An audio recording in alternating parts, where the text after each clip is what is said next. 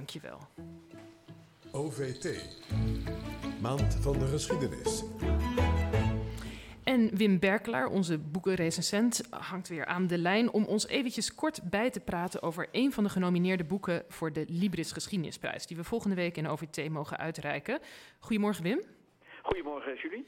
Ja, je las een boek van Angelique Sens, uh, De Kolonieman, met als ondertitel Johannes van den Bos 1780-1844, volksverheffer in naam van de koning.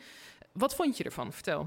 Het is een uh, goed, maar vooral ook een belangrijk boek. Want uh, dit boek, uh, met een zeer goed gekozen titel, je noemde hem al, De Kolonieman, dat, dat boek geeft een heel goed beeld van Nederland in de eerste helft van de 19e eeuw. Hè, dus het Nederland van koning Willem I, de grote kanalenkoning waarvan hij de rechterhand was. En die kolonieman, dat slaat op zowel binnen als buitenland. Kijk, de man heeft de maatschappij van weldadigheid opgericht. Dat betekent, in Nederland zag hij natuurlijk in de eerste helft van de 19e eeuw enorm veel armoede. In Drenthe, Overijssel zijn allerlei kolonies gesticht waar arme gezinnen gehuisvest werd, werden. Geherhuisvest moet je soms zeggen. Soms tegen hun zin.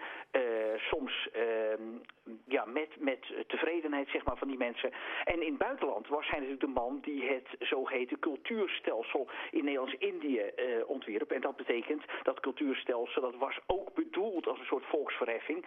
Namelijk van de Javaan. Die Javaan die uh, eerst nog aan de grond gebonden was.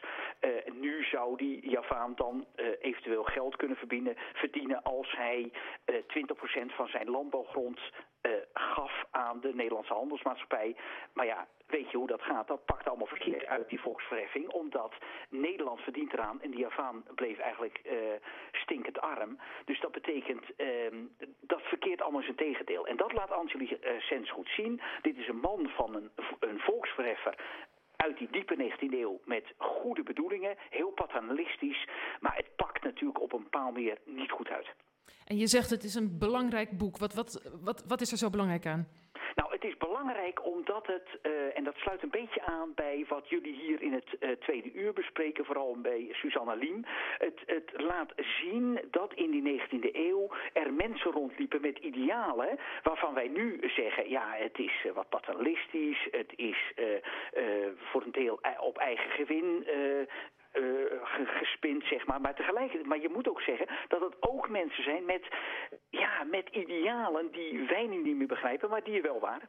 Ja, Wim, dat, dat volksverheffen, zoals dat het toen heette, dat, uh, dat durfden uh, mensen toen. Hè? Is dat iets waar, dat durfden ook politici, dat durfden beleidsmakers, is dat iets waarvan je denkt, ja, dat zou best wel weer een beetje mogen? Nou ja, is dat boek ook om die reden belangrijk, dat je daar misschien wat van kunt leren? Nou ja, je ziet het hier en daar nog wel eens bij een soort elite die dan uh, in de Rotary zit. Uh, verder is dat onvergelijkbaar Johannes van der Bos wat oneindig veel machtiger. Maar uh, wat, je moet, wat je moet zien is, laten we zeggen, dat die idealen niet alleen maar negatief waren. Zeg maar, dat is een beetje wat dat boek leert. Dus dat we een beetje ambivalent naar die geschiedenis gaan kijken. Terwijl de neiging is natuurlijk om heel, en dat is alle tijden zo, heel eenzijdig naar die geschiedenis te kijken. Dat die ambivalentie komt uit dit boek heel goed uit, vind ik. Precies, dus we kijken normaal gesproken we kijken naar de gevolgen, maar niet zozeer naar de bedoelingen. En dat kunnen we met dit boek uh, wel mooi doen. Dankjewel Wim en we zien je volgende week uh, in de uitzending.